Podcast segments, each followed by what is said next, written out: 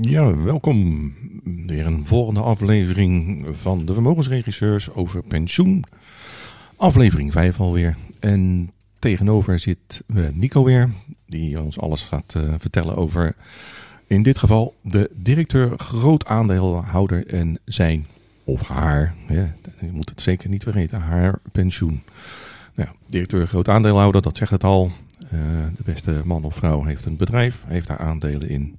De meeste, zeg maar, het overgrote deel van de aandelen. En deze persoon wil zijn of haar pensioen gaan opbouwen. Dus de vraag aan Nico is: Goedemiddag, Nico. Dag Filip, alles wel? ja, we gaan er weer, uh, we gaan er weer vol voor. Daar gaan we tegenaan. Ja, we moeten het wel weer gezellig houden. Um, de DGA, daar gaan we het over hebben. Um, ik ben dus 9 jaar en ik wil aan pensioen gaan doen. Hoe ga ik dat doen? Hoe bouw ik dat op en bij wie? Ja, eerst even wat nog over de DGA, de directeur groot aandeelhouder. En uit de naam kan je al zien dat dat uh, iemand is met twee petten op. Want het is iemand, een man of vrouw, kunnen er ook meerdere mensen zijn die directeur zijn van een organisatie, die een bedrijf uitoefenen of een beroep, niet in de vorm van een eenmanszaak of vennootschap onder firma. Het is geen persoonlijke onderneming, nee. Ze hebben een entiteit opgericht en dat heet meestal een BV. Kan ook een NV zijn of een rechtspersoon naar buitenlands recht. En, maar meestal hebben we het over een besloten vennootschap met beperkte aansprakelijkheid. Die opgericht is en die rechtsfiguur, dat is een zelfstandige drager van rechten en plichten. En wil je pensioen opbouwen, uh, dan moet je werknemer zijn. Ja, even, even toch ter verduidelijking. Hoeveel aandelen moet je bezitten om directeur groot aandeelhouder te zijn? Nou ja, in fiscale zin hebben we het dan over een uh, 5% belang of meer. Dat heet ook wel met een mooi woord een aanmerkelijk belang. Ja, dus een beetje een vreemde term vind ik. Maar vroeger was het uh, aanmerkelijk belang bij uh, een derde van de aandelen van toepassing. Maar op een gegeven moment is dat totaal verwaterd en is het wel 5% of meer. Ja. Voor de pensioenwet hebben we het over een DGA als die tenminste 10% van de aandelen houdt. Dus dat is wel een onderscheid. Ja, nou belangrijk uh, even om te melden. Ja. ja. En nou ja, goed, je moet, zei ik net, werknemer zijn van een organisatie, zijnde een, meestal een BV. En uh, dan kan een pensioentoezegging vanuit die werkgever geschieden. Dat ben je vaak zelf, want ja, je bent de directeur en tevens werknemer en grote aandeelhouder. Dus de aandeelhouder die de organisatie beoordeelt, ja, die heeft uh, ook uh, wat melk in de pap. Te brokkelen. Te brokkelen. Melk in de pap te brokkelen, ja. Even zo'n vraag tussendoor. Um, even, laten we zeggen, die BV, dus die werkmaatschappij waar we het over hebben, die heeft een collectief. Hè, waarin de werknemers kunnen uh, deelnemen. Is zo'n ja. directeur dan verplicht in het collectief ook deel te nemen? Nou, wat je meestal, wat, wat, laat ik het anders zeggen, wat ik in de praktijk meestal zie, is dat er uh, twee BV zijn. Ik heb ooit uh, fiscaal recht gestudeerd en toen zeiden we één BV is geen BV. Nee. Dat was een kreet in de Telegraaf in de jaren tachtig. Dus je moest er tenminste twee hebben, was de conclusie. En dus wat deed de DGA, of tenminste de DGA in wording, die richtte een BV op. En daaronder uh, was het zo, of daaronder, grafisch gezien, daaronder, die BV richtte weer een nieuwe BV op. En de werkzaamheden van en de activiteiten van de organisatie werden dan in de zogenaamde werkmaatschappijen uitgeoefend. Ja, Daar kwam ook het personeel in, ja. behalve de DGA, want ja, dat, die vond zichzelf bijzonder. Dat is die ook, hè? Want, ja, uh, of zij. En um, die kwam dan in dienst van de holding. Dus de, de bovenste BV. Ja. Waarvan de DGA dan in privé meestal de aandelen houdt. Of certificaat van aandelen. En, um, en de werkmaatschappij, um, ja, daarvan werden de aandelen gehouden door de bovenliggende vennootschap, de holding. Ja. Meestal was het dan zo dat via een managementovereenkomst dan uh, de fee van de DGA uh, werd betaald door de werkmaatschappij aan de holding. En uh, dan moet je even opletten dat dat uh, niet tot btw-problemen leidt, maar dat is niet het onderwerp van, van gesprek vandaag, dus dat laten we verder rusten. En dat was wel een veelgebruikte en is volgens mij ook nog een veelgebruikte mogelijkheid. Ja. En dat maakt het dan ook mogelijk dat er ja, andersoortige afspraken omtrent pensioen kunnen worden gemaakt voor die DGA. Want de pensioenwet zegt in principe dat een ieder die een gelijksoortige functie heeft, eh, dezelfde rechten qua pensioenopbouw heeft. Ja. Nou kan je dat ook nog wel afzonderen hoor, want een directeur die indirect of directe aandelen houdt, is toch weer een andere functie dan een gewone werknemer, om het zo maar te noemen. Dus dat kan ook nog. Maar meestal zag je dus de structuur zoals ik hem net benoemd, met twee BV's. Ja. Kan ook zijn dat er veel meer, B, eh, veel meer eh, ehm, BV's zijn. Hè? Want je ziet ook wel dat bij bijvoorbeeld belastingmaatschappen de belastingadviseur dan een afzonderlijke BV moest oprichten. En die kreeg dan belang in die belastingadviesorganisatie. Met de verplichting dan eh, te zijn de tijd bij uittreden weer de koopsom van dat belang in die belastingadviesorganisatie weer uit te betalen. Dan gaan we heel diep op de materie in nu, geloof ik. Maar Nee, dat is hoeft niet, niet. Dat is ook eh, even niet, niet zo erg. Maar het ging mij dus voornamelijk even van, eh, de vraag was... eh, moet zo'n DGA dan meedoen in het collectief? Jij zegt ja, als hij in diezelfde BV zit. Want in feite moet het gelijk zijn. En eenzelfde soort functie. heeft. eenzelfde soort En meestal kan je dat wel uitzonderen, want een directeur het doet iets anders dan een gewone werknemer. Maar de praktijk leert dat er vaak een sprake is van een andere BV. Dus de holding. En dan gelden weer andere afspraken. Ja, Even dat even kort samengevat. ja, en die holding kent meestal maar één werknemer of twee, namelijk de echtgenoten vaak. Die secretariële activiteiten ontplooit. eh, en, eh, of de minnares zou ook nog kunnen. Laten we, laten we, Laten we laten we- laten we dat pad niet opgaan. Dan worden we straks een juice kanaal. Dat willen we niet. Wel misschien. Dan eh, worden we wat populairder. Misschien ja, denk ik ook. Als, als er dus een pensioen opbouwen tegen jaar, dan gelden in feite wel dezelfde pensioenregels als de werknemers. De- qua opbouw en, eh, en uitkering. Of zitten daar ook nog verschillen in? Nou ja, dat, dat, ja, nou, dat was vroeger wel zo. Een, een DGA kon pensioen in eigen beheer opbouwen. Dat wil zeggen, de toezeggende vennootschap, die BV, die hield zelf de pensioenverplichting in de boeken. Ja. Dat mag sinds, eh, ik dacht april 2017 niet meer. Niet meer. Dat heeft eh, meneer Wiebes, toen nog staatssecretaris van Financiën, gecanceld. Modern woord, dat werd toen nog niet gebruikt, maar tegenwoordig wel, cancelen. En ehm, toen kreeg je drie mogelijkheden voor het opgebouwde pensioen in eigen- beheer. Je kon het eh, afkopen. Dat werd ook eh, fiscaal heel erg gepropageerd. Want Ja. wat dacht meneer eh, Wiebes? Die zegt, dacht, nou krijg ik nog iets binnen. En ik wil af van die eigen beheersituatie, want dat, ja, dat paste eigenlijk niet meer in de dagelijkse praktijk. Je had wat problemen qua waardering, actuarieel, fiscaal, economisch. Ehm, dat actuarieel moest, eh, die waardering moest ook jaarlijks geschieden vanuit de account. Dat bracht ook weer kosten met zich mee. En hij wilde het eh, eigenlijk daarvan af. En ehm, dat is ook gelukt. Er is wet een wet gekomen. En dan kon je afkopen in eh, de periode tot 2020 tegen gunstige tarieven. Dat is denk ik ook grootschalig gedaan. Want dat was dermate fiscaal vriendelijk. Dat Ja. je dat, als je genoeg geld had, zeker moest doen. En voor degenen die geen geld hadden, die konden of dat, eh, dat eh, pensioen en eigen beheer bevroren laten staan. Maar kreeg je nog steeds die pensioenproblemen die, eh, die ik net schets. Of je kon het omzetten in een zogenaamde ODV, oftewel de oude dagsvoorziening. Ja. Maar we kunnen wel stellen dat in grote getalen mensen er afscheid van genomen hebben. Bestaan er überhaupt nog? Nou, er zijn nog wel? BV's met een pensioen, behoren pensioen eigen beheer, denk ik. Ik denk dat ze wel in de minderheid zijn, maar er zullen er ongetwijfeld nog een paar zijn. ja. Kijk, als je het niet afkocht, eh, dan eh, zetten de meesten dat op advies van een accountant of boekhouder zetten ze het om naar een ODV. Want dan had je ook die problematiek niet van jaarlijkse herwaardering, actuarieel. Het werd allemaal veel simpeler. Alleen je had wel een ander probleem bij die omzetting. Zeker als je getrouwd was, of toch steeds bent. Bent.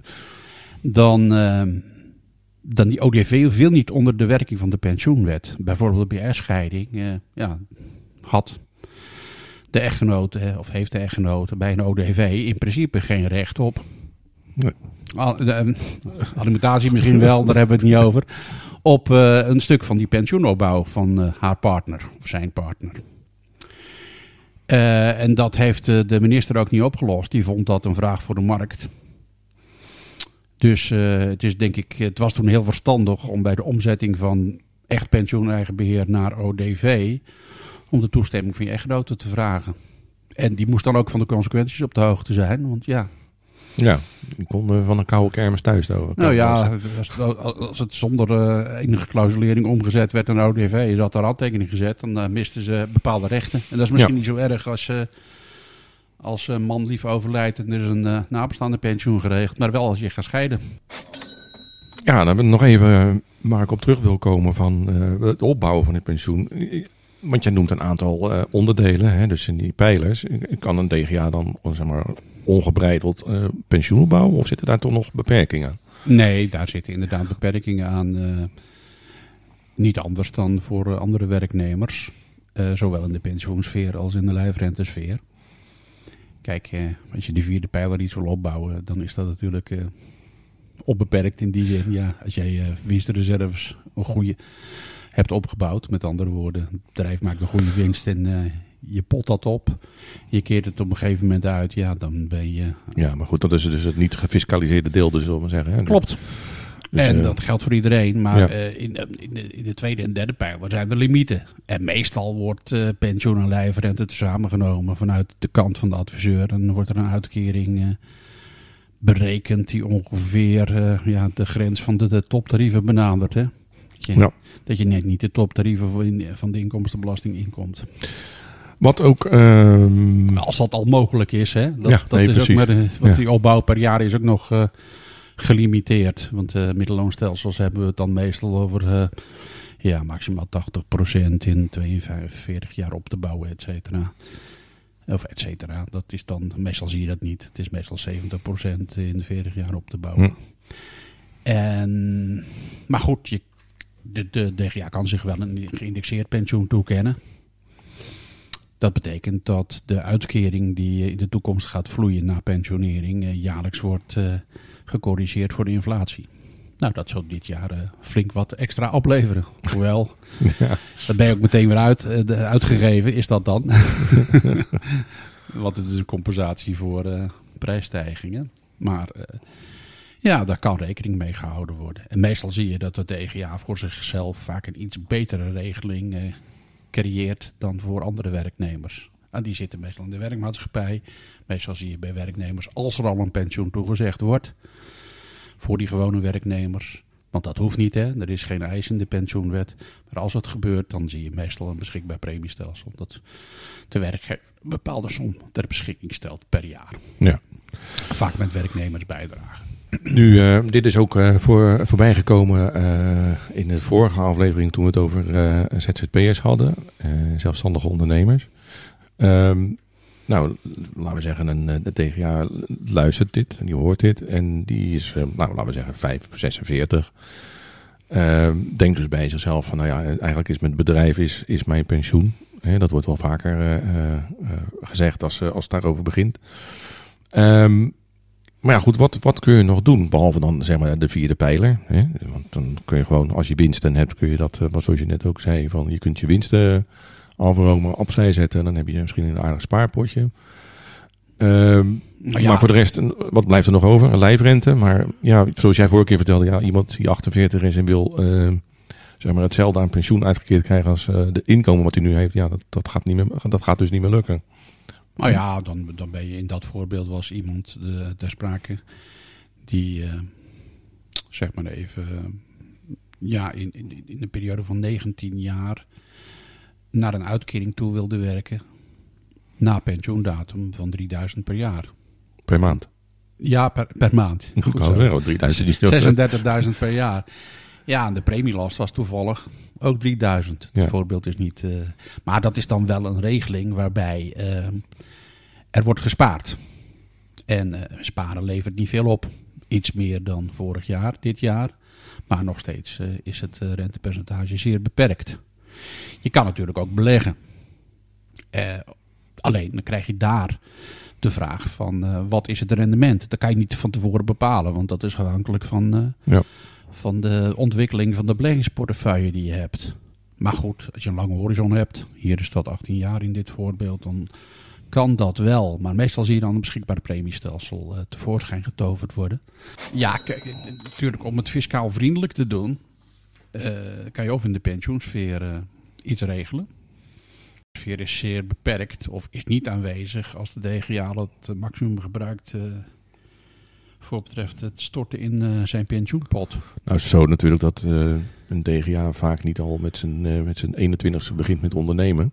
Ja, maar het is dus... wel zo dat, dat, althans dat was vroeger bij de salarisdienstuitregeling zo, dat als die toezegging kwam, dan je terug kon naar ja, het okay. aanvang van ja. de dienstbetrekking. En die kon dan jaren eerder. Maar dat betekent een flinke investering. Ja, dat kost je flink wat geld. Ja. En de verzekeraar zal dat geld graag ontvangen. Alleen, je ziet bij verzekeraars volgens mij ook weinig mogelijkheden om dat op een manier te beleggen zoals je dat zelf misschien wil. Dan zit je toch al snel vast aan zo'n beschikbaar premiestelsel. Want ja, dan is de uitkering niet vastgesteld. Nee. En dat past ook meer in het kader van de nieuwe of de komende pensioenwet. Daar komen we nog in een andere aflevering op terug. Ja. Overigens. Dus uh, daar gaan we nu even geen, uh, nog niet al te veel over zeggen. We worden, worden er wel mee geconfronteerd nu dagelijks. Hè? Ook in de, in de media uh, zie je het steeds voorbij komen. Volgens mij staat nog steeds gepland dat dat voor 1 juni geloof ik. 1 juli volgend jaar. Juli, ja, het was aanvankelijk 1 maar, januari. Maar, maar de Kamer nog niet erg overstag wil. In ieder geval, ze hebben kritische vragen. Ja. Um, nou goed, zoals gezegd, dat gaan we een andere aflevering uh, over hebben. Heb jij nog uh, toevoegingen aan het verhaal wat we tot nu toe hebben verteld? Of, maar zonder er al te diep in te gaan, hè? want uh, we proberen het even wat algemeen te houden. En mochten er vragen komen, kunnen we er altijd nog wat dieper op ingaan. Maar heb jij nog wat te vertellen, Nico, nou, erover? Bijvoorbeeld voor de opbouw van een nabestaande voorziening voor je partner of eventueel je kinderen. Hm. Dat kan je natuurlijk ook verzekeren. Dat kan op verschillende manieren. Dat, dat kan bijvoorbeeld op risicobasis. Dat betekent dat je elk jaar een risicopremie betaalt. En als je in een bepaald jaar te, komt te overlijden, dan krijgt de nabestaande een uitkering om daar een nabestaande pensioen van te kopen. Ja. ja. En als je stopt met uh, opbouw, dan heb je ook niks meer opgebouwd voor betreft die nabestaande voorziening. Tenminste, als je vertrekt bij het bedrijf. Je kan natuurlijk zeggen, ook het nabestaande pensioen is een afgeleide van het ouderdomspensioen. Maar dan heb je het echt over die defined stelsels, dus de middelloon en uh, de salarisdienstuitregeling waar je dat kan overeenkomen. Meestal zie je bij beschikbare premiestelsels zo'n uh, zo'n risicopremie. Ja. En dat heeft zo zijn voor- en nadelen. Misschien voor de DGA mindere mate dan de gewone werknemer. Want die, ja, nogmaals, die DGA die kan het allemaal zelf beslissen vanuit zijn werkgeverspet of zijn werknemerspet. En de gewone werknemer, ja, die is zijn nabestaande voorziening op risicobasis kwijt als die uh, vertrekt bij de betreffende onderneming. Ja, precies. Oké, okay, Nico, uh, dankjewel.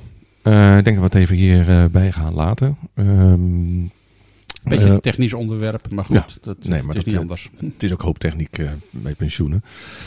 Um, als er luisteraars zijn die denken van ja, ik wil er toch nog meer van weten of ik heb een specifieke vraag, dat kan altijd. Uh, ga even naar onze website uh, www.devermogensregisseurs.nl en dan kun je gewoon bij contacten onze mail sturen en dan gaan we daar uh, zeker op antwoorden en misschien bespreken in, in de podcast. Dus dat gaan we dan sowieso meenemen. Voor nu, Nico, weer bedankt. Jij ook, Voor bedankt. al je wijze woorden en uh, tot de volgende aflevering. Zo is het. Dankjewel. Bye bye. Dag. Mama